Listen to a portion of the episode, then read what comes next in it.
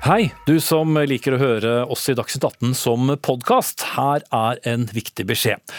Fra og med neste uke er det bare i appen NRK Radio du kan høre nye episoder fra oss. Der finner du også hele katalogen med alle sendingene vi har laget tidligere. Hør alt fra Dagsnytt 18 kun ett sted, i appen NRK Radio.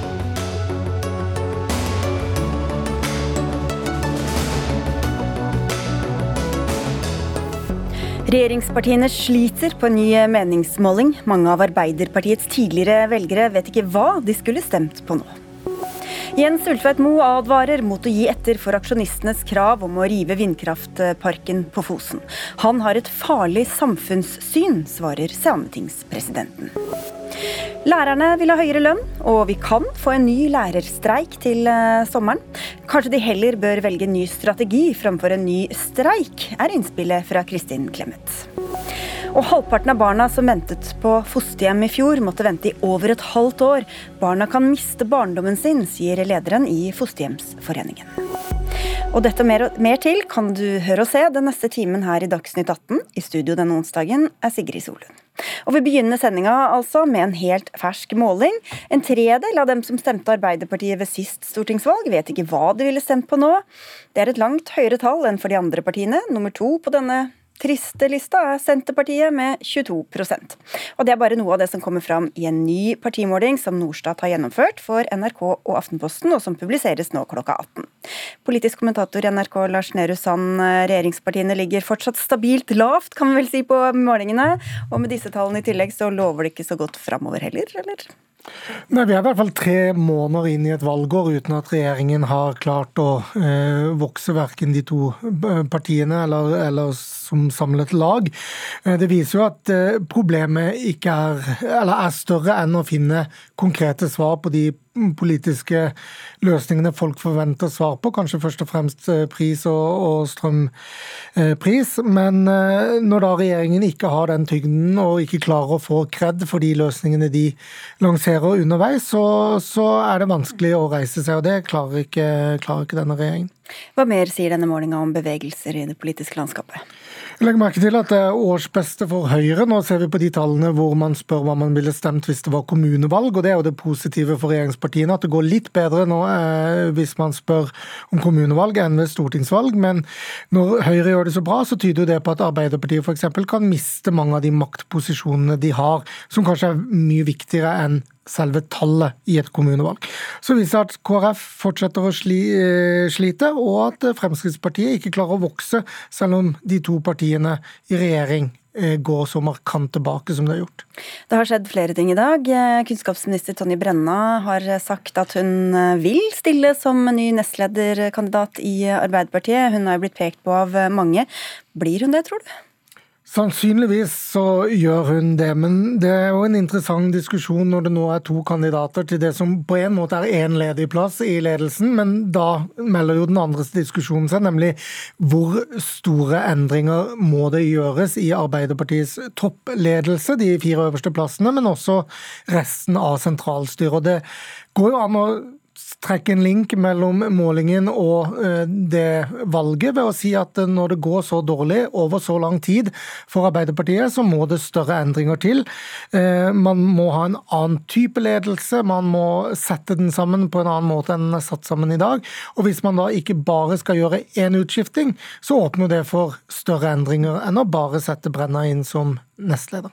Men Brennas kandidatur kunne jo gitt en god dag for Arbeiderpartiet, og så kommer altså enda en dårlig måling og gamle spøkelser som fortsatt lurer gjennom en eh, ny bok eh, om partiets eh, håndtering av metoo og varslene om seksuell trakassering mot Trond Giske. Den er skrevet av Heidi Lene Sveen, du har lest den og skrevet om den i Dagbladet, hvor du er kommentator, Marie Simonsen.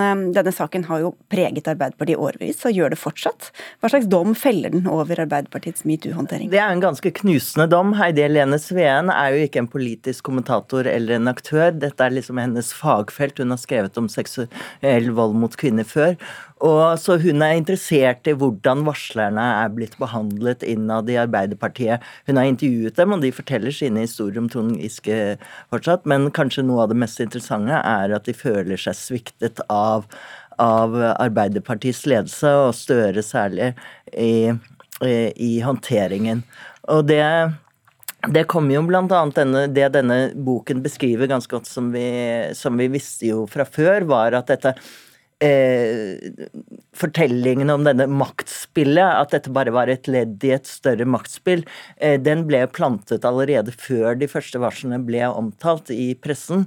Og Uh, og da styrket sånn at uh, varslerne i praksis ikke hadde noen sjanse til å komme frem. De ble jo til slutt trodd i partiet, og Trond Giske ble felt for brudd på parti, partireglene. Uh, men, men, det ble jo sådd tvil om deres motiver, og det er jo ganske vanlig i varslingssaker. Og en sentral person her er jo hun som vi nevnte, men ikke sa navnet på, nemlig Hadia Tajik, som også ble tildelt en rolle, eller hadde en rolle, da, i, i denne saken. Marie Simonsen og ble, hvor også dette ble lest inn i dette maktspillet eh, som du beskriver. Hvordan kan denne striden fortsatt prege kampen om hvem som skal få verv i Arbeiderpartiet framover? Der tror jeg det er en ganske eh, god del bitterhet i Giske-gjengen fremdeles, og at dermed er lett å fortelle en historie om at Hadia Tajik er splittende, og at hun er liksom en bråkmaker. Eh, det er jo Og disse disse forskjellige fortellingene de fort, eh, forteller om hverandre, eh, det er jo tyder jo på at denne splittelsen ikke er lagt død, og at den preger partiet fortsatt. Og det er jo med de tallene her, og så har de et landsmøte foran seg som er ventet kjempebråk, og kanskje strid om nestledervervet, da, så det er ikke gode tider for Jonas Gahr Støre. hva slags kamp kan det bli om dette nestledervervet, Lars?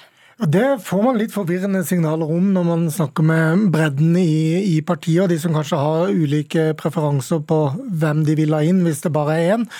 Ehm, det, det som jo preger denne diskusjonen, er jo om det er for raskt at Hadia Tajik kommer tilbake, ikke bare ut ifra en har hun i hermetegn sona ferdig, eh, med, med, bakgrunn for at hun måtte, eh, måtte, gå av som nestleder etter pendlerboligsaker og, og skattespørsmål.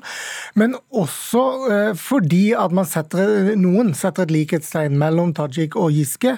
Både i at de har gjort noe eh, galt som har eh, skapt problemer for partiet, og at de så raskt ønsker å komme tilbake og gjøre mye for å få til det, og dermed dra denne historien videre inn i partiets fremtid, og at man aldri får lagt den bak seg. Så det er jo ikke, Man kan si da at det er ikke bare forfattere utenfor, det er også aktørene internt som bidrar til at den saken fortsatt hentes opp og har en relevans i hvordan man må forstå hva folk vil stemme, og hvilke valg folk vil ta eh, for fremtidig ledelse av eh, Arbeiderpartiet. Og helt til slutt, Marie Simonsen, partileder og statsminister Jonas Gahr Støre sier til NRK i dag at partiet bør tenke på fornyelse og få politikere som kan løfte blikket. Hvordan leser du det signalet? I motsetning til den eldgamle Hadia Tajik. Eh, ja, det peker jo definitivt i retning til Tonje Brenna som jeg ser eh, allerede blir kalt for en kronprinsesse. Men eh, vi kan jo huske at eh, Trond Giske ble jo kalt kronprinsen. Så det er ikke alltid bra å få sånne titler. Vi lar den hvile litt, og så sier vi tusen takk til dere begge, Marie Simonsen i Dagbladet og NRKs Lars Nehru Sand.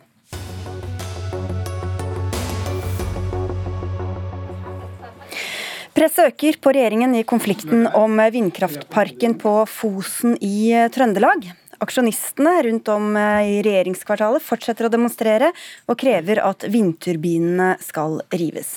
Dette bør absolutt ikke skje, sier du til Dagens Næringsliv, Jens Ulfvedt Du er investor og for ordens skyld sentralstyremedlem i Miljøpartiet De Grønne, men du representerer vel ikke dem akkurat eh, her eh, og nå. Hvorfor skal man la vindturbiner stå når de ødelegger for reindrift og for samer? For det første er jeg her personlig. Ja. ikke for. Jo, her er det spørsmål om menneskerettigheter. Og du har brakt opp veldig mye i forhold til urfolks rettigheter. Men det er også en FNs menneskerettighetserklæring om utslipp av klimagasser. Den er viktig i denne sammenhengen.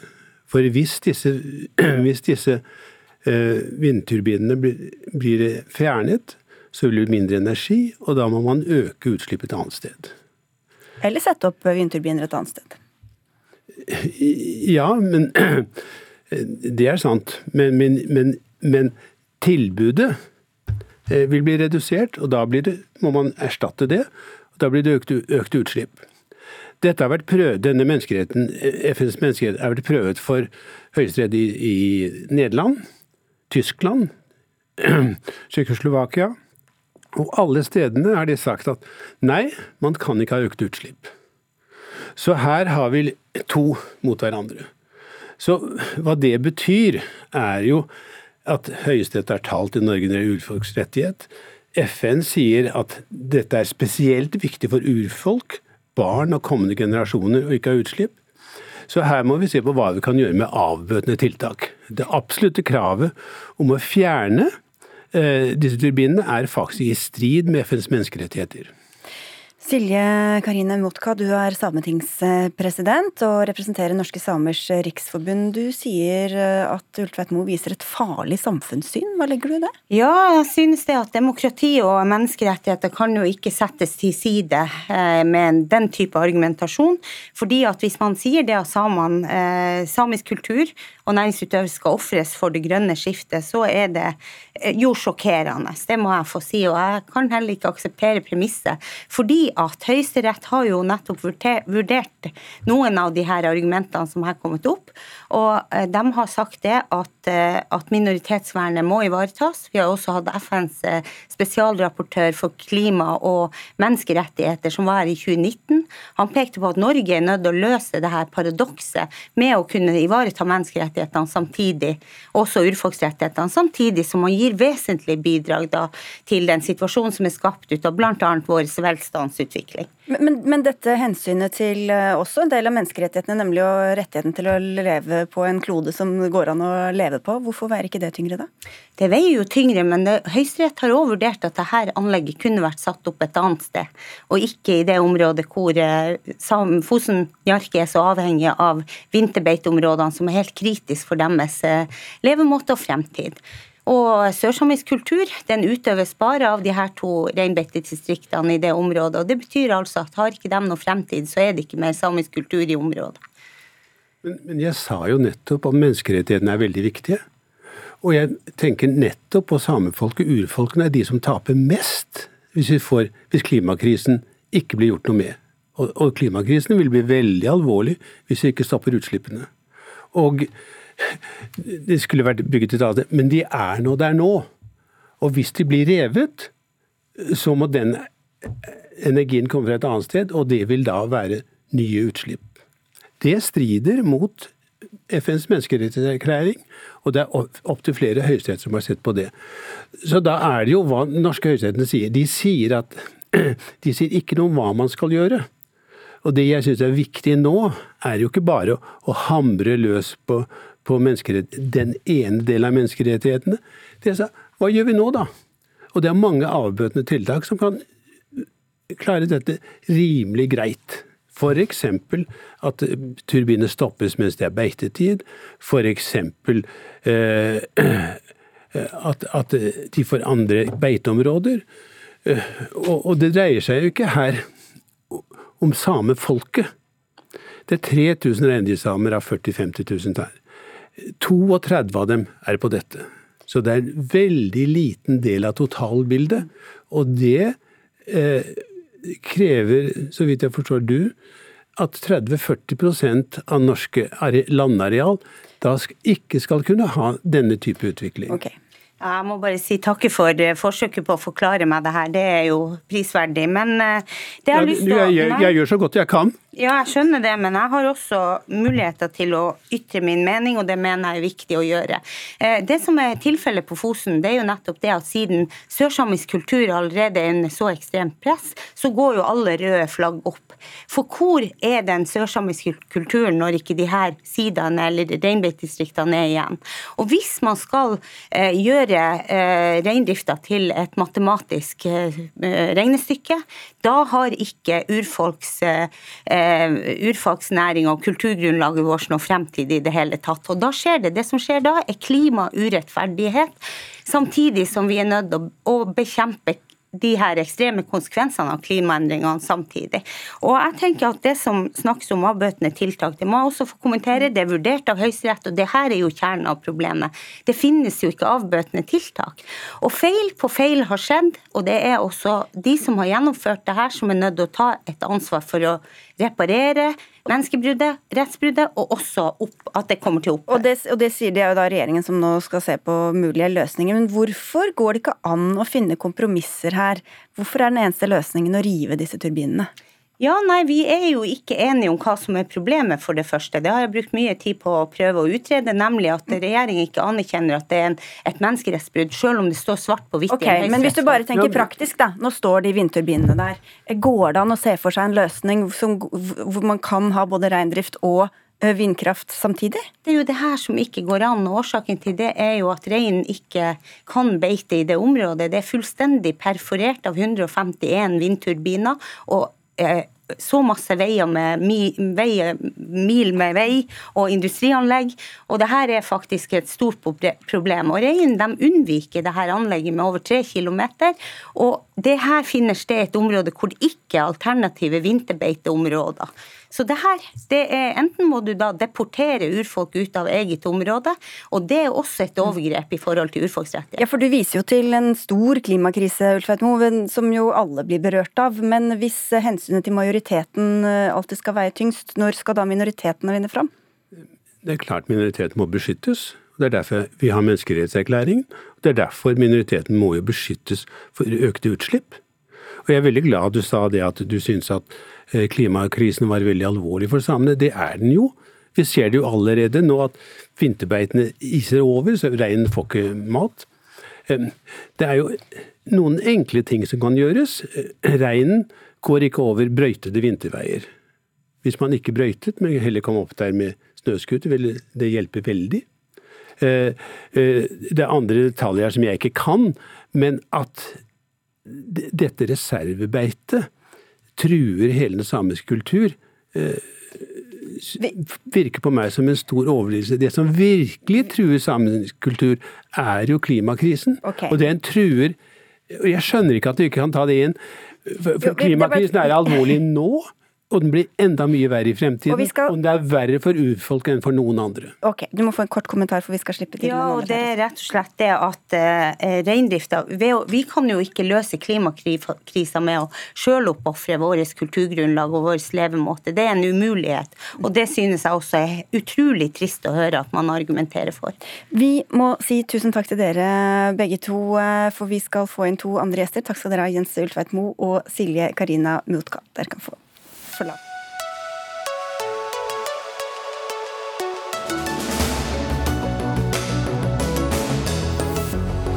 Men temaet skal vi ikke slippe ennå, fordi eh, nå har vi fått inn deg, Terje Aasland, eh, olje- og energiminister. Du eh, sa nei takk til å møte sametingspresidenten som nettopp forlot oss, fordi dere skal ha et konsultasjonsmøte i morgen. Men nå hørte du hva hun sa, det går ikke an å finne noen andre kompromisser. Dette var min gjenfortelling her, men hva sier du til det? Jeg forholder meg til det som Høyesterett har sagt. og De sier at eh, det kan etableres avbøtende tiltak som gjør at den senker terskelen, sånn at den ikke bryter urfolks rettigheter i denne saken. Og Det er noe av det vi må utforske. da. Hvor, hvor, hvordan kan vi gjøre dette? Eh, og Det er derfor vi har eh, sagt at vi må hente inn noe ny kunnskap for å fatte et nytt vedtak som gjør at vi inkluderer eh, urfolks rettigheter i denne saken. Men Dere har jo prøvd å finne en løsning i hva er det, halvannet år nå. Hva er sannsynligheten for at dere plutselig skal finne nye løsninger som dere ikke har funnet så langt? Det vi har prøvd på nå i halvannet år, det er å prøve å få en enighet med både reindrifta, vindkraftverkene og Sametinget om hvilken kunnskapsinnhenting vi skal gjøre. Eh, og Da har det vært eh, mange treffpunkter på det. Det har vært konsultasjoner på det. Og så har også nå Sametinget ønska konsultasjoner på politisk nivå. Jeg syns det er bra at vi kan få en eh, god dialog om dette, eh, og at vi forhåpentligvis kan ende opp med en bredere enighet og gå videre med det som utgangspunkt. Få inn den kunnskapen og fatte et nytt vedtak. Jeg er veldig utålmodig for å finne, løsning, finne en løsning på dette. Og Det er jo først og fremst eh, reindriftseierne og reindrifta på Fosen nå som er skadelidende ut ifra den situasjonen vi står i. Hvem er det dere er nødt til å bli enige med, egentlig? Nei, altså, Vi hadde et utgangspunkt om at vi mente at det var tjente saken at vi kunne bli enige om hvilken kunnskapsinnhenting som skulle foregå mellom vindkraftverkene, eh, reindrifta og Sametinget. Det hadde vært det beste utgangspunktet. Jeg håper fremdeles at det er mulig. Men det haster også veldig med å gjøre et eh, nytt vedtak i denne saken, komme videre. Ja, Det er jo mange spørsmål her, men i uh, bakgrunnen her så er det jo denne høyesterettsdommen som vi har vært innom uh, flere ganger, som folk leser litt uh, ulikt. Anine Kierulf, du er førsteamanuensis ved Universitetet i Oslo og skriver i en kronikk i VG i dag at man nesten kan få inntrykk av at det er litt Høyesteretts skyld at denne saken ikke er løst. Ja, hvis du hører på det som har vært sagt fra, fra statsråden og regjeringen siste uken, så, så, bærer det litt preg av at en av grunnene til at man ikke har gjort noe, eller klart å finne frem til en løsning i saken, det er at Høyesterett ikke sier klart hva man skal gjøre. Høyesterett eh, Vi har jo i Norge en, en, eh, ordning som heter domstolenes prøvingsrett. Det er det som gjør at vi i det hele tatt har havnet i denne situasjonen her. Når politiske statsmakter og andre er uenige om hvordan menneskerettighetene eller Grunnloven er å tolke, så er det i grunn Høyesterett som har siste ord om det. Så det er Høyesterett som nå har sagt at denne konvensjonen om sivile og politiske rettigheter, artikkel 27, den er, eh, er brutt denne, ved denne konsesjonen.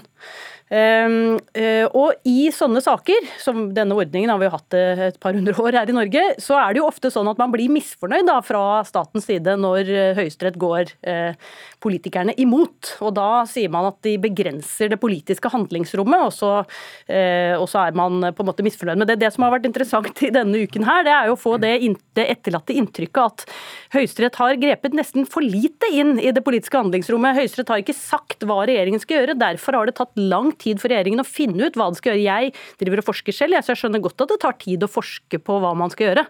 Men 500 dager er jo ganske lenge. Da er det veldig bra at jeg kan oppklare, fordi jeg syns egentlig Høyesterett gir oss et handlingsrom ja, da, til å faktisk håndtere denne saken. fordi jeg er veldig tydelig på at den terskelen som uh, ligger der i forhold til når uh, inntreffer, uh, inntreffer, krenkelsene mot urfolks rettigheter, den sier at den grensa kan, kan, justeres med avbøtende tiltak. Hva disse tiltakene er, det sier ikke Høyesterett noe om, og det er jeg veldig glad for. fordi at det må gjøres i et samarbeid, etter min mening, mellom reindrifta, Sametinget, vindkraftverket markedseierne og myndighetene. Det har vi forsøkt på siden Høyesterett eh, avsa sin dom. Eh, vi har ikke blitt enige om det ennå, men som sagt, eh, sametingspresidenten ønska konsultasjoner på politisk nivå. Det skal vi ha i morgen, og jeg håper at vi kan komme videre med det. Men jeg mener jo i motsatt av det du sier, faktisk, at Høyesterett gir oss muligheter til å finne avbøtende tiltak, senke grensa for, for de, disse krenkelsene, sånn at vi ikke bryter urfolks rettigheter. Det syns jeg er en super avklaring fra din side, for det etterlatte inntrykket har i grunn ikke vært det. Det har vært at eh, fordi Høyesterett ikke har sagt klart hva man skal gjøre, så har det vært en medvirkende årsak til at det har vært vanskelig å finne frem til hva man skal gjøre. Men det er flott at du nå oppklarer det. For det som er situasjonen, det er jo når man kommer i den type etterlatte inntrykk, så får man et inntrykk av at det enten er noe gærent med domstolene. Eller i dette tilfellet, det er noe gærent med de politiske statsmaktene som ikke klarer å løse dette på 500 mm. dager.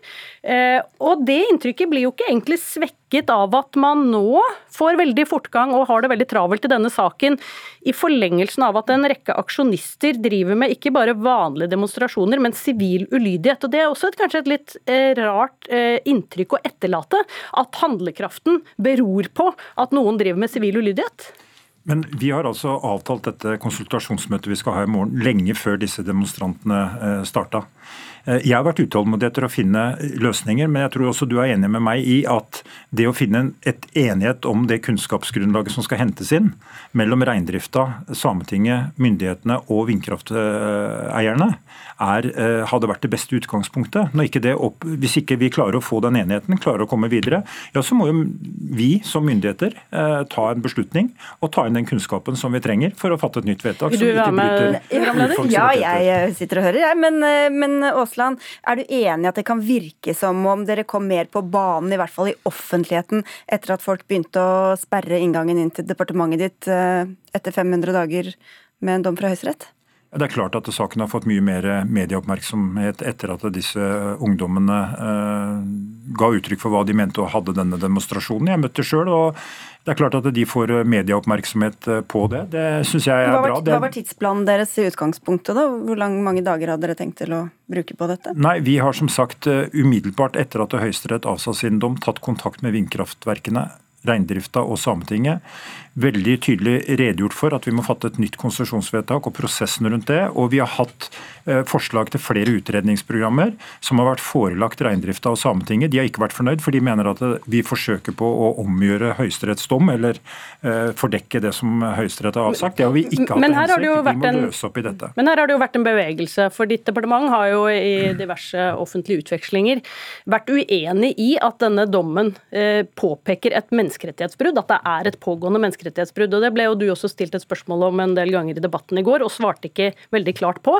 Men i dag har jo statsministeren gått ut og, og sagt det som i alle fall for meg høres ut som at dette er et pågående menneskerettighetsbrudd. Hva mener dere egentlig? Nei, altså Det vi sier veldig tydelig, det er at uten, til, uten tilfredsstillende avbøtende tiltak, så vil de konkrete vedtakene innebære at eh, det er et menneskerettighetsbrudd. Er dette en av grunnene til at det har tatt så lang tid? At dere har vært uenige i at det faktisk er et menneskerettighetsbrudd?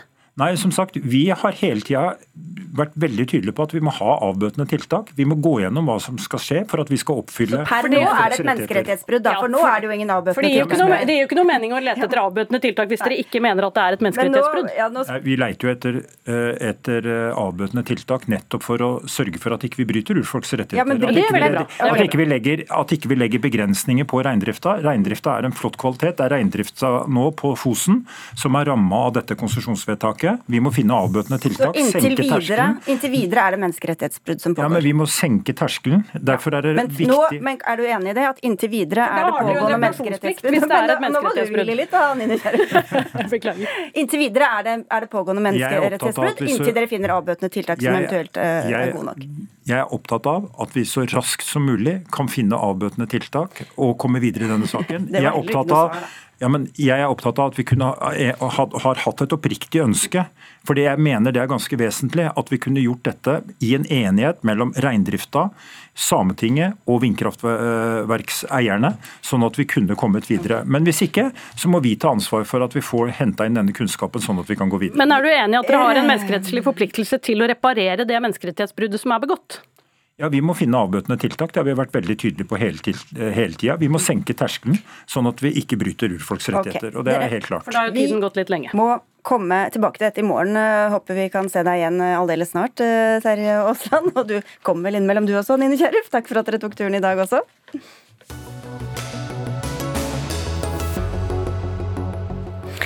En lang og omfattende streik i fjor endte ikke med noe lønnsløft for lærerne, slik de hadde håpet. En ny streik er ikke utelukket, men er dette egentlig riktig vei å gå? Kanskje lærerne heller bør eh, revurdere strategien sin, skriver du i Aftenposten, Kristin Clemet, du er daglig leder i den liberale tankesmien Civita. Hva er det ved dagens strategi som ikke fungerer optimalt? Vi vet jo at det er mange lærere som ønsker seg og fortjener eh, høyere lønn, men det ser ikke ut som det er så lett å få til. Eh, og jeg tror det er mange grunner til det. En grunn er at det er veldig vanskelig å løfte veldig, alle sammen veldig mye. Det er dyrt, altså det er kostbart. Så har vi noe som heter frontfagsmodellen, som er veldig viktig. Nemlig at ikke, det er liksom konkurranseutsatt sektor som setter grensen for hva lønnsveksten skal være. Og så er det med streik i offentlig sektor det er ganske vanskelig. Gir ofte ikke noe uttelling. Og det skyldes at eh, det i all hovedsak går utover tredjepart, og ikke så mye arbeidsgivere og arbeidstakere.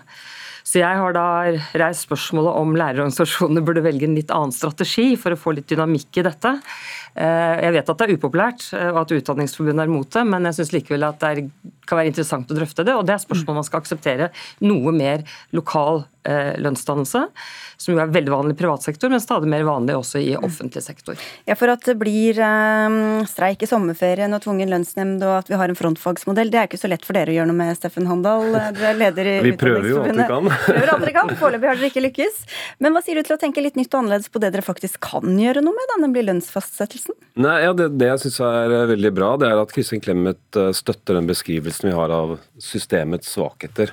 Det er et godt utgangspunkt, for vi møter jo ofte en arbeidsgiver som ikke helt eh, ser de samme problemene som oss. Og så introduserer jo nå Kristin Clemet egentlig, vil jeg si igjen, eh, dette med lokallønn som et virkemiddel. Eh, som om det er uprøvd, og som om det er nytt i, i kommunal sektor og nytt for lærere. Og det er det jo ikke. Dette har vært prøvd i mange år. Og jeg har selv jobbet i skolen og vært utsatt for både lokallønn og individuell lønn. Og tilbakemeldingen er ganske entydig at det ønsker ikke norske lærere. Eh, og Det som er litt av utfordringen for Kristin Clemet, tror jeg, at det blir jo ikke mer penger av det. Det blir en omfordeling av lønnsmidler fra noen til noen andre. Og Det løser ikke den store utfordringen vi har i Norge, nemlig lærerkrisa. Altså Det mangler i dag eh, tusenvis av lærere i norsk skole. Det er eh, 25 eh, av plassene på lærerutdanningen står tomme, og våre medlemmer rapporterer til oss gjennom undersøkelser at mange flere vurderer å slutte. Så du løser ikke de grunnleggende problemene ved dette. Og dette har vi gjort, og vi gjør det av og til eh, i kommunal sektor, og det fungerer ganske dårlig. Men hva kunne du løst, Clemet? Nei, altså For det første vil jeg si at jeg er enig i det som du sier implisitt, nemlig at dette kan gjøres på gode og dårlige måter. Og det må selvfølgelig gjøres på gode måter. Det er det masse eksempler på i arbeidslivet at man greier, og det betyr at man må ha noen kriterier som arbeidsgiver og arbeidstaker har blitt enige om. Eh, og så må man forfølge det og begrunne eh, de lønnstilleggene som gis altså i, i, de kriteriene. Men hva tror jeg dette kunne hjulpet til? Jeg tror for det første at det kunne være mer treffsikkert dersom man hadde med litt lokal lønnsfastsettelse. Og Det går på at lærere er forskjellige, og at utfordringene er forskjellige i ulike kommuner og ulike skoler. Så både at skoler kan gi ja, sånn, et, et, et, et eksempel, en. I Oslo har vi store skoler med en høy andel minoritetsspråklige elever, kanskje med masse foreldre som ikke kan norsk. Utfordringene der er jo helt annerledes enn det er i en bitte liten skole på landet, for å si det sånn. Og Da kan man tenke seg at man trenger muligheten for individuell lønnsfastsettelse for å kunne tiltrekke seg og beholde gode lærere. Så Dels kan det være mer treffsikkert. Det andre jeg tror det kan være mer attraktivt eh, for mange å gå både til utdanning og yrke når man vet at fremtidsutsiktene ikke er helt gitt. da. Ikke sant? At det er noen muligheter her. Eh, både for å gjøre ja, men... ulike typer karriere for at jeg skal, Og det siste, jeg tror, det kan, jeg tror det kan øke tilliten i samfunnet. Det at man liksom setter fagligheten Høyne status og gi bedre karrieremuligheter, Handal. Ja, men jeg, jeg, tror at jeg og Kristin Clemet skal sette oss ned etterpå og gå gjennom hovedtariffavtalene for eh, området både KS og Oslo kommune. Det håper jeg dere gjør utenfor studio. Det skal vi gjøre utenfor studio, men poenget mitt er at det er muligheter for å gjøre alt dette som du etterlyser i dag. Og det er ikke sånn at det finnes en pengesekk der, og at liksom, Utdanningsforbundet stiller seg i veien for å dele den ut til lærerne. Det er ikke sånn der. Men selv om det er muligheter, så ønsker de jo ikke å utnytte de mulighetene? Jo, jo, men altså hvis kommuner i dag vil sette seg ned med våre folk og snakke om ja, vi kan gi mer penger til lærerne lokalt, så skal vi selvfølgelig være med på det. Men da må alle få det, eller? Nei, men det er ikke sånn i dag at alle får akkurat det samme. Det er et ganske innfløkt system i, i kommunal sektor hvor lærere får utdanning basert på både utdanning, ansiennitet og ansvar.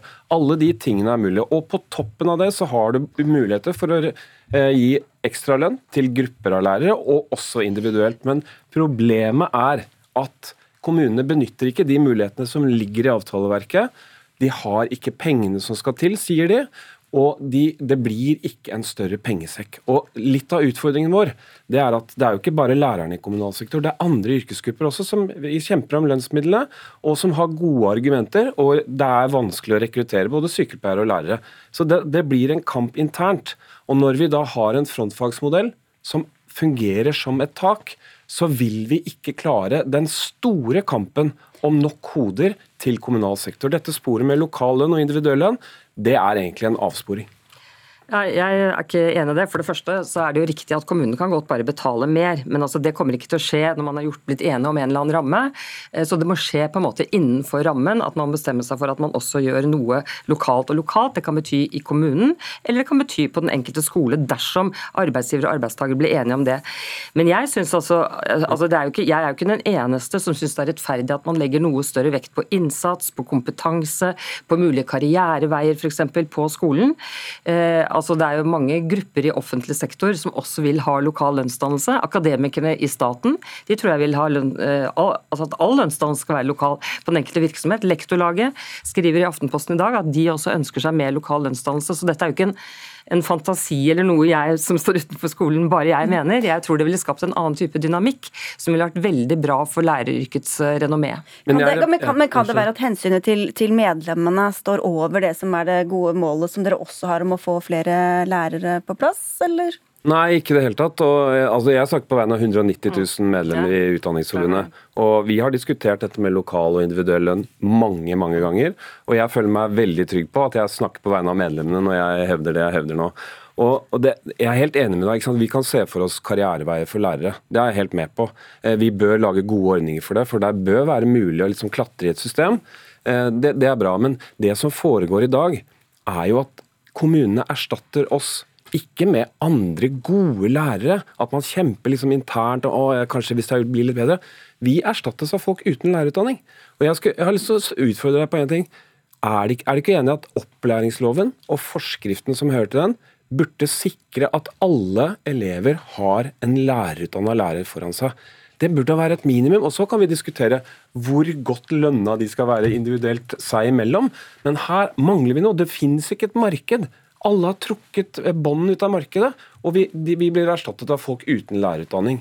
Da blir dette ja, det, altså, feinschmeckeri, syns jeg. da. Ja, ja, altså, jeg syns ikke det er bra i det hele tatt. Jeg mener jo målet absolutt bør være at lærere har god utdanning. Jeg mener jo i motsetning til Utdanningsforbundet at man også bør oppgradere utdanningen sin og kompetansen sin ettersom, ettersom, årene går. Så, så, det er riktig konstruktivt, det her. Ja, det er vi også enige ja, men, det, men det, altså, jeg regner jo ikke med å ved å skrive en kronikk at jeg overtaler Utdanningsforbundet til å skifte mening om dette. Men det som hadde vært spennende når man står fast og begynner å vurdere streik i året igjen, så hadde jeg tenkte at det kunne vært smart kanskje å begynne å eksperimentere litt. Er det noe, Kan man utvikle dette, eh, dette det elementet med lokale, lokale forhandlinger og prøve seg frem og prøve å gjøre det bedre enn man har gjort når man har prøvd det før? Men Det finnes systemendringer vi kan gjøre her, og det, det, jeg, det vil jeg virkelig komme tilbake og diskutere en annen dag. Ja, For jeg har noen gode ideer. Jeg har noen gode ideer ja. Oi, det får bare henge i luften, så får alle lure veldig på hva det er. Steffen Handal, leder i Utdanningsforbundet, og Kristin Clemet, eh, daglig leder i Civita, og tidligere kunnskap kunnskapsminister. Det henger jo også litt eh, med her. Takk skal dere ha, begge to. Ja, ja, vi vet det. Vi vet det. Her har vi allerede avtalt en ny debatt, men nå skal vi videre i sendinga.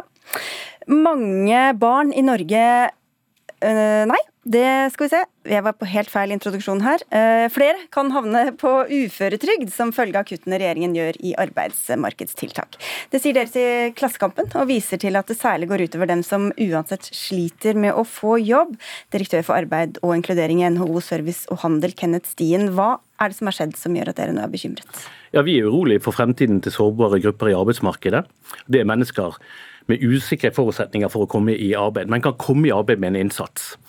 Eh, disse blir nå systematisk nedprioritert i tiltaksbudsjettet. Så lenge det er linjen, så frykter vi at antall uføretrygdede kommer til å vokse. Altså mennesker som ikke så lett får seg jobb ellers, men som har vært på et tiltak eh, hvor eh, bedrifter tar dem inn for det er helt riktig. Det er å de lønnstilskudd osv. Det er mennesker med helsemessige og sosiale utfordringer som står et stykke under arbeidslivet, og som trenger tett og bred oppfølging for å kunne komme tilbake i arbeidslivet. Det er ca. 200 000 av dem. Men så har dere altså kuttet, da, statssekretær Thomas Norvoll i Arbeids- og inkluderingsdepartementet. Dere er jo ellers veldig opptatt av arbeidslinja. Hvorfor gjøre disse kuttene som gjør at færre kommer ut i arbeid? Ja, altså Vi er veldig opptatt av at folk skal komme i arbeid, og så har man tatt ned de totale tiltakene litt pga. at det var voldsom høy aktivitet under eh, pandemien. Men så er det sånn at når, eh, når departementet eller Stortinget da bestemmer rammer for tiltakene, så er det ikke departementet og Stortinget som bestemmer hvilken type tiltak som skal, eh, som skal, brukes rundt omkring. Da er det det enkelte Nav i fylket som prioriterer. Skal det være den ene eller den andre type tiltak som, som brukes? Men når potten kuttes, så blir det jo færre tiltak? Ja, altså Potten kuttes fra et veldig veldig høyt nivå. og så har vi lagt inn noen forutsetninger om at man skal prioritere ungdom, man skal prioritere de som har vært eh, lenge utenfor eh, arbeidslivet. Og så eh, vil det være forskjellig fra, fra region til region hvordan de prioriteringene gjøres. Men nå når det er så lav arbeidsledighet, hvorfor trenger arbeidsgiverne egentlig egne tilskudd og tiltak for å ansette folk da, Stien? Ja, en, altså Regjeringens politikk har en logikk når man tenker på normalledigheten. Eh, ordinær ledighet. Den går ned, og da tenker man kanskje at behovet for arbeidsmarkedstiltak er, er mindre. Men det gir ingen mening for personer som står eh, utenfor arbeidslivet med nedsatt arbeidsevne. Den gruppen er voksne, og de trenger arbeidsmarkedstiltak for å kunne komme i, i arbeid. Eh, de vil ikke uten hjelp kunne komme i arbeid. De har vært utenfor arbeidslivet lenge, de trenger kompetanseheving. Mange har kanskje ikke ført, eh, gjennomført videregående opplæring.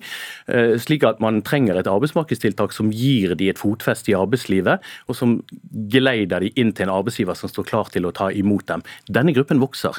Det var 180 000 med nedsatt arbeidsevne i 2019 til over 200 000 nå. Gruppen vokser, behovet for arbeidsmarkedstiltak øker. Men er ikke det bare lønnsomt da, Norvold, å skape gode arbeidstakere så å si, som kan både få økt kjøpekraft og betale skatt osv.? Det er kjempelønnsomt eh, at folk får en mulighet til å få en tilknytning til arbeidslivet, og der gjør vi mye.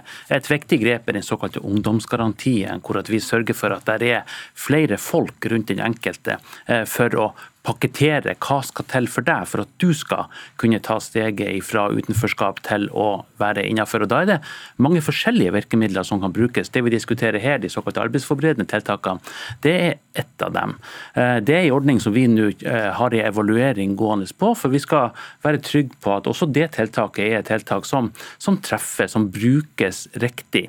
Eh, og Da vil det være forskjellige vurderinger i de enkelte regionene. Er det dette tiltaket skal brukes, er det andre ting? og det tror jeg er bra. Men, men, du sier at dere satser på ungdommen. Betyr det at de som har vært lenge utenfor arbeidslivet, de som har hull i CV-en som man kaller det, de, de gir man bare opp? Da, eller? Nei, eh, altså vi er jo veldig bevisst på at man, man ønsker å få eh, så mange som mulig med tilknytning til arbeidslivet. Men jeg tror det viktigste vi kan gjøre, er jo, eh, er jo på en måte å, å, strupe tilgangen til unge uføre, for å sette litt på, på spissen. Eh, altså jobbe med, eh, med, dem som enten står i fare for å, å ramle ut, eller som, eh, som, som, sliter med å få gjennomført ei, ei utdanning. Og Da er det mange typer tiltak som skal brukes, ikke bare det vi diskuterer her i i dag. Det er et av dem. Eh, og Da eh, har vi tro på at på det enkelte, i det enkelte Nav i fylkene så sitter de flinke folkene som gjør disse vurderingene. Vi skal ha en tillitsreform eh, hvor vi skal stole på at kompetansen deres er den som bestemmer hvilke tiltak som, kan, som vil hjelpe den enkelte på best mulig måte. Um vi er veldig glad for ungdomsgarantien og regjeringen setter av 175 millioner kroner i statsbudsjettet, men kutter samtidig arbeidsmarkedstiltakene med nesten en halv milliard kroner. Dette er tiltak som, eh, som, også bidrar til at unge mennesker kommer i arbeid.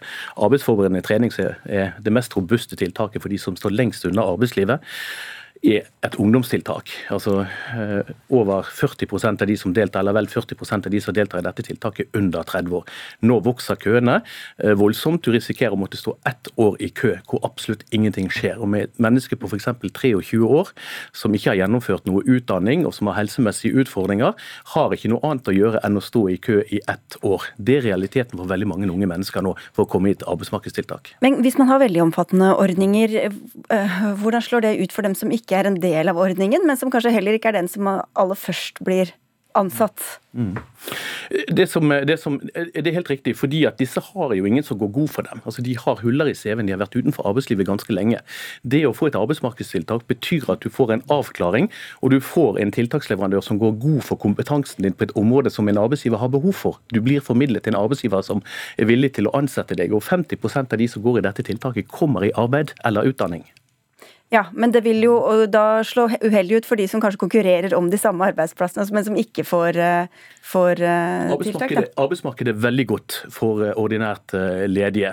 De fleste finner seg arbeid på egen hånd. Nav hjelper dem som trenger bistand. De som står lengst unna arbeidslivet, opplever nå at køene vokser. Tiltakene kuttes. Ja, Jeg snakket om de da som står nest lengst unna, da, hvis du skjønner hva jeg mener. Men er det et ja, ja, de får, også, de får, jo selvfølgelig også tilbud. fordi at Nav har jo et spekter av ulike arbeidsmarkedstiltak tilpasset den, den, eh, den enkeltes behov.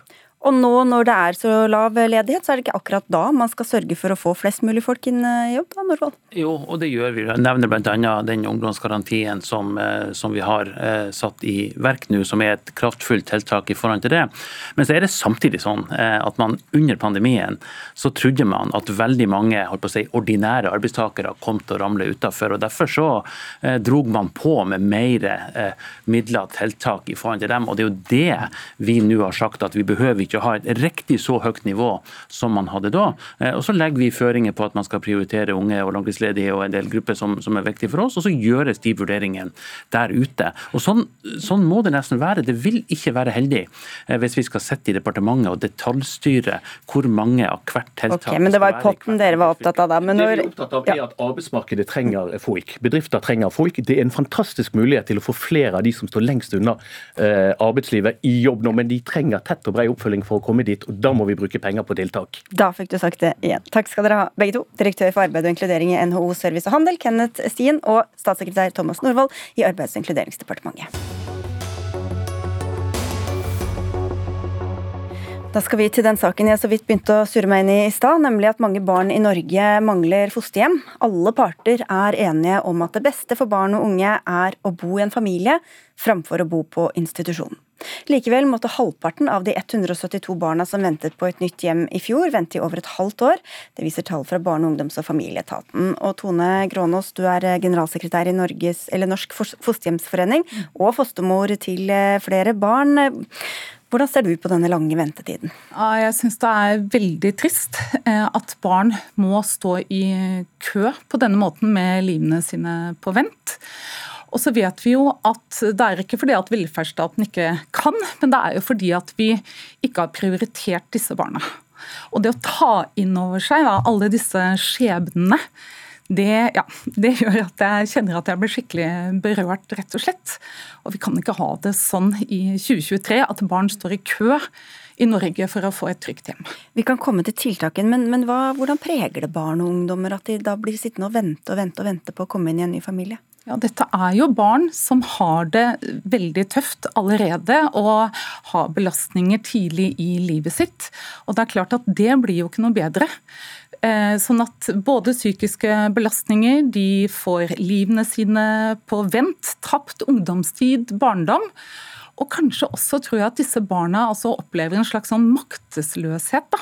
At de er brikker i et system hvor de voksne liksom bestemmer og plasserer de rundt. Ja, Det er uholdbart for barna. Barne- og familieminister Kjersti Toppe, hvor forsvarlig er det å la unge mennesker leve i limbo i mange måneder? Nei, Det er jo eh, ikke forsvarlig. og Jeg er òg eh, veldig berørt eh, av den køen som, eh, som, har vært i mange år, eh, og som er helt eh, uakseptabelt.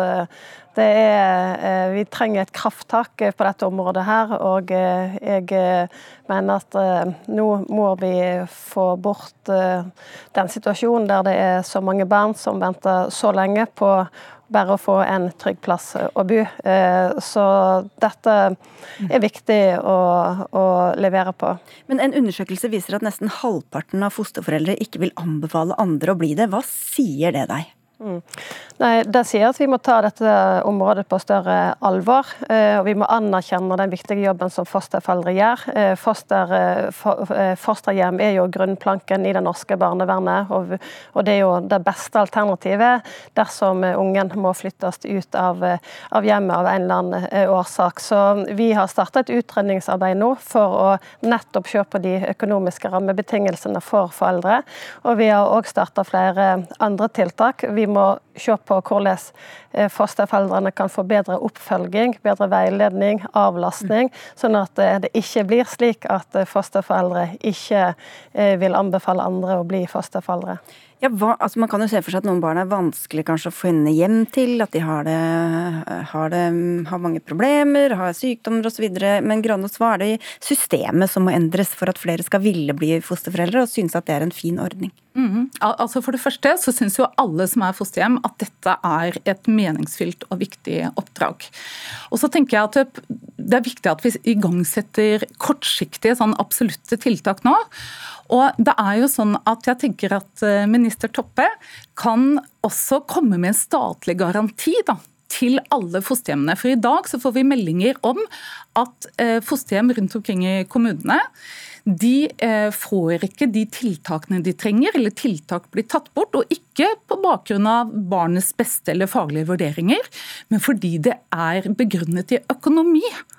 Og sånn kan vi jo ikke ha det. Dette, hva, hva, betyr det? At hvordan, hvordan ja. slår det ut? Nei, F.eks. visshet fordi, som du sa, da, dette er jo barn som har store omsorgs- og, og, og helsebehov. Og man trenger eh, forsterkninger inn i veldig mange fosterhjem. Og Det kan dreie, dreie seg om frikjøp for å ivareta barnets behov. Det kan dreie seg om avlastning som man trenger for å bevare stabiliteten i hele familien. Men veldig ofte så er det avslag på dette med begrunnelse i økonomi. Så Det er det, det ene jeg tenker at Toppe kan gjøre. Og det andre er jo å bruke alle tilgjengelige ressurser, kompetanser og kapasiteter på feltet nå, fordi det er en så prekær situasjon. Bruke private for å løse denne krisen. De står der med masse ressurser, og jeg tror også at det offentlige har mye å lære av de private. Da. Hvis vi tar det første først, Toppe. En statlig garanti om at ikke økonomi skal stå i veien for at folk kan uh, takle å ha, å ha et, et, fosterbarn? Ja, Det skal ikke være økonomi som, som hindrer at en fosterfamilie skal men, kunne Men det gjør det åpenbart, da? Eh, ja, eh, det, det, er helt sikkert eh, det er slik. Men det er viktig at vi gir kommunene det ansvaret, og at de får de rammene som skal, skal til. Men jeg tror det er veldig masse vi kan, kan gjøre her for å unngå at det blir en, en sånn situasjon der det er at fosterforeldre ikke opp, ja, ikke får den hjelp de, de trenger. og Det er òg gitt f.eks. noen nasjonale tilrådinger på godtgjørelse godtgjørsel og økonomi. Vi holder på å utarbeide når det gjelder eh, hjelpe, eller oppfølging og veiledning. Eh, sånn at vi kan gjøre veldig mye for å sikre at det blir likt. Og at, okay, så det var ikke noe garanti, men det var veiledning? Ja, ja, kan, ja, men, vi kan kalle det en, en garanti, selvsagt. Så har vi helt samme målet her. Ja, okay. være, ja, men det er ingen garanti, da. Men, men, men, hva med dette med å bruke alle de private, da? Det er jo litt imot hva regjeringa ellers går inn for, men hvordan ser du på det i dette tilfellet? Eh, nå er det jo opp til kommunene eh, om de vil bruke private eller, eller ikke. Det som eh, Stortinget og regjering har sagt, er at vi fra sommeren av innfører en, en, en endring i lova slik at den avtalen som, som fosterhjem inngår, den må gå direkte til kommunen og ikke en omvei rundt private. Men jeg kan fremdeles bruke private til å til rekrutteringsarbeid, til oppfølging og sånt.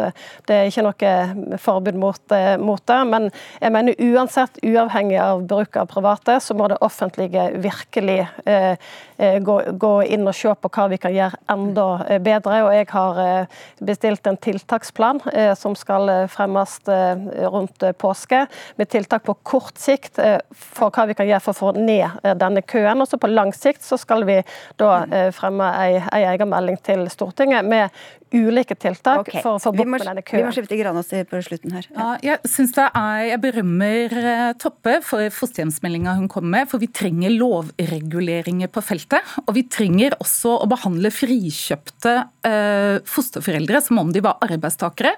For i dag så er det de helt vanlige familiene som bærer all eh, risiko, både økonomisk og juridisk. Sånn at frikjøpte eh, fosterhjem må få rettigheter som om de var arbeidstakere. Og Vi trenger også lovreguleringer, slik at fosterforeldrene kan få rettigheter til å ivareta barna.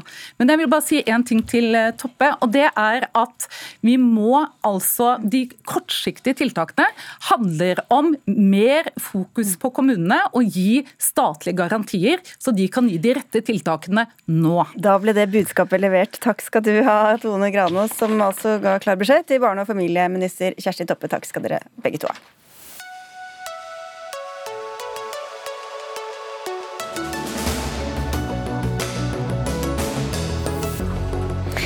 Gårsdagens eh, mest leste innlegg i Aftenposten ble skrevet av en 87 år gammel pensjonert eh, lege som vil tillate aktiv dødshjelp. Han argumenterer med at sykehjem i dag ikke er noe alternativ, fordi kvaliteten ofte ikke holder mål, og viser til at under halvparten av befolkningen har tillit til at det offentlige vil gi dem de helsetjenestene de behøver når de blir eldre. Dere kastet dere på. Hans Jakob Hund Thomsen, du er første nestleder i Unge Venstre. Hva mener du disse tallene og kronikken også viser? Nei, jeg mener jo at det er eh, behov for å tillate aktiv dødshjelp. Og vi vet jo at tre fjerdedeler av den norske befolkningen er for å tillate aktiv dødshjelp, i motsetning til, til, dagens politikere hvor ingen stortingspartier har gått inn for dette her. Og For meg er det viktig å erkjenne at dette er en svært vanskelig debatt hvor jeg tror vi skal ha respekt for motargumentene. og jeg tror de eneste som egentlig tar feil, er de som er skråsikre. Men med det sagt så vet vi at det er mange mennesker som går livets siste dager i møte med store store smerter, store lidelser og ikke minst stor usikkerhet. Så for oss i Unge Venstre så handler det om å gi disse menneskene økt frihet og selvbestemmelse over egen kropp, og sørge for at man kan få en verdig og human avslutning på livet sitt. Hadle Bjuland, leder i Kristelig Folkepartis Ungdom, du sier dette er feil medisin. Hvorfor er det det, da? Ja, altså jeg mener at Det som trekkes fram i denne innlegget, er først og fremst at det er veldig dårlig altså Vi har store utfordringer forbi eldreomsorgen i Norge. Eh, vi løser ikke det med å legalisere eller åpne opp for aktiv dødshjelp. Og Det er først og fremst fordi jeg mener det rokker litt på menneskesynet vårt. Fordi Helsevesenet har alltid kjempa for å redde liv. Med å legalisere eller åpne for aktiv dødshjelp, så eh, vil helsevesenet være med å ta aktivt, ta aktivt liv. Det mener jeg er helt feil vei å gå. Eh, og så må vi også se på årsaken til folk ønsker å ta aktiv dødshjelp. Når vi ser på delstat i Oregon der eh, 40 av de som velger å ta aktiv dødshjelp, oppgir at de føler seg som en byrde for familien og for samfunnet rundt, så mener jeg da, da er det vi som storsamfunn som har svikta. Eh, og da må vi heller sørge for at de lever best mulig og verdige liv, enn at vi skal eh, åpne for at døden skal være en løsning på det. Men, men bare, altså, hvis man ser da at alternativet for meg nå er å havne på et eller annet hjem jeg virkelig ikke har lyst til å bo på, eller bo hjemme uten å klare meg selv, hvorfor skal ikke de får lov til å bestemme det helt selv? Nei, jeg mener først og fremst Det handler om eh, synet vi har på livet. At vi skal først og fremst legge mest mulig til rette for at eh, KrF sier vi ja men, til aktiv Men det kan man vel gjøre ja, samtidig? Men, det handler om å legge til rette for aktiv livshjelp. At det skal være godt å leve. Og så er jo De store etiske dilemmaene er jo hvordan skal du regulere dette? her? Fordi Hva er det som er et verdig liv, og når er du syk nok? Eh, og Det er det jeg gjerne skulle ønske at Unge Venstre kan svare meg på. Hvordan er det dere i så fall ønsker at det lovverket skal se ut? Fordi eh, Jeg mener at vi som samfunn må sørge for at alle, mest, flest mulig skal leve mest mulig verdig liv. Da tror jeg ikke riktig at vi går inn og definerer. Eh, det er umulig å ha et lovverk. Ja, Det er jo når det kommer til det praktiske og detaljene at det begynner å bli ordentlig vanskelig her, eh, Thomsen. Mm. Det stemmer det, og En viktig forutsetning for oss er at vi har strenge reguleringer. Eh, og jeg ønsker, For det første så tror jeg vi skal innrømme at dette kan ikke bli gjennomført i morgen. Enten så må man få bestemme men, selv, eller så får man ikke bestemme nei, selv. Nei, men Det handler om at man kan ha strenge reguleringer, slik som man har sett i Oregon, hvor man må være over 18, man må være psykisk tilregnelig, har eh, under seks måneder igjen å leve. Så jeg tror jeg har troen på at man kan finne gode regelverk som sørger for at man får eh, en god regulering på dette her. Men jeg tror jo at det ikke er en motsetning, slik som KrFU sier, mellom eh, å sørge for økt palliativ og bedre lindrende behandling, og samtidig tillate for aktiv dødshjelp. For det vil alltid være mennesker som har et ønske og et behov eh, for å gjennomføre eh, aktiv dødshjelp. og Da syns jeg ikke flertallet skal hindre de få menneskene det gjelder. fordi For de få menneskene så vil det være svært viktig. Det vil gi dem en økt trygghet eh, og en økt verdighet i livets siste dager. og Da syns jeg ikke vi som politikere skal bestemme over hva som er en verdig avslutning for dem, men heller la det valget være opp til de menneskene. Men altså, Konsekvensen eh, er jo hver gang når du f.eks. ser Nederland og Belgia, da, som har åpna for aktiv dødshjelp, så er det startintensjonen god Du å bruke eksemplene med de få tilfellene som du lett kan få medfølelse med. Men så er jo da konsekvensene sånn som Nederland, der har de legalisert aktiv dødshjelp ned til tolvårsalderen. I Belgia så har de ingen aldersgrenser. Der er det et barn helt ned i niårsalderen som har fått, eh, fått aktiv dødshjelp. Altså, det er òg altså, konsekvensen når du velger å åpne for noe sånt, at regelverket hele tiden bør tøye. For du har den evige debatten mellom hva er et verdig liv, og, og, hvem er det som i så fall skal få lov til å ta imot denne behandlingen. Og Det er da jeg mener at vi må heller legge til mest mulig til rette for at flest mulig skal være, leve verdig liv, og vi ikke får de eh, eksemplene som vi har nå i Europa, som er våre, de landene som vi har nærmest erfaring med. Når de har så dårlige erfaringer, så er ikke det en vei å gå for Men det er vel også mange som vil si at det finnes ganske mange eksempler på mange som avslutter livet sitt på noe som ikke føles så veldig verdig for alle? Jeg tror vi har kommet ganske langt da, med å legge til rette for en mest mulig lindrende behandling. og Det er jo en grunn for at eh, bare jo, men det er, ikke de som, det er ikke de som er dødssyke nødvendigvis som ønsker aktiv dødshjelp, som skal dø om fem dager, for de vet at de kan få morfin og annen lindrende jeg, behandling. Det er jo de som vet at jeg orker ikke å leve på denne måten. Jeg tror det er en grunn for at det er kun 10 av legene som er svært for aktiv dødshjelp. Det tror jeg, de sitter tettest mulig på pasientene. De ser situasjonen som pasienten står overfor. De mener at dette er ikke en best mulig måte å hjelpe disse pasientene på. Vi må hjelpe dem med andre virkemidler. Og da tror jeg vi skal lytte til de folka som kjenner pasientene sine best. Det blir fallitterklæring å si at vi har ikke et godt nok helsesystem til å ta vare på alle, så vi skal heller bare la folk ta livet av seg selv? Men Jeg er helt enig i at vi skal ha et godt helsesystem som har en god lindrende behandling, men dessverre har vi jo eksempler. F.eks. For, for et par år siden så var det en kvinne som skrev et dødsbrev i Dagbladet og fortalte om uhorvelige smerter som tvang henne til å avslutte sitt eget liv, og ba politikerne innstendig om å innføre aktiv dødshjelp. Så det finnes fortsatt mennesker som går livets siste dager i møte med stor smerte og usikkerhet, og da syns jeg ikke vi skal hindre dem i å ta det valget. Men så tror jeg også det er viktig å påpeke her at for mange så det ikke, handler det ikke om at man nødvendigvis har store smerter, men at den tryggheten å vite at man har det valget dersom det, den situasjonen skal skje, så vil jo det gi en økt trygghet. Det vil kunne øke livskvaliteten til de menneskene som vet at dersom man går inn i livets siste dager med store smerter, så har man likevel en mulighet. da. For meg er det et paradoks at Når vi kjemper på ene sida for å holde selvmordsstatistikken lavest mulig, så skal staten på andre sida regulere for at uh, vi setter selvmord i system på denne måten. Det mener jeg er helt feil vei å gå. Og så mener jeg heller at du Hans Jakob, trekker fram dette med retten til egen kropp og den biten der. Men det du òg må ta med i beregningen, at vi påtvinger helsevesenet til å involvere seg innover andre sin død på denne måten. Uh, og det mener jeg er helt feil vei å gå. Vi må avslutte etter fem sekunder. Ja, jeg, jeg, vil fortsatt si at det er eh, Det fins mennesker som eh, går siste dager i møte med store smerter, og da må vi tillate dem. Og det, vi er for at lege skal ha en reservasjonsrett, så det argumentet kjøper ikke helt. Kan man nevne at vi aldri fikk tak i den pensjonerte legen. Vi fikk tak i dere, Hadle Bjørland og Hans Jakob Hund Thomsen, og det var fint, det. Dagsnytt 18 er over. Gro Arneberg, Hanne Runås og Sigrid Solund takker for følget.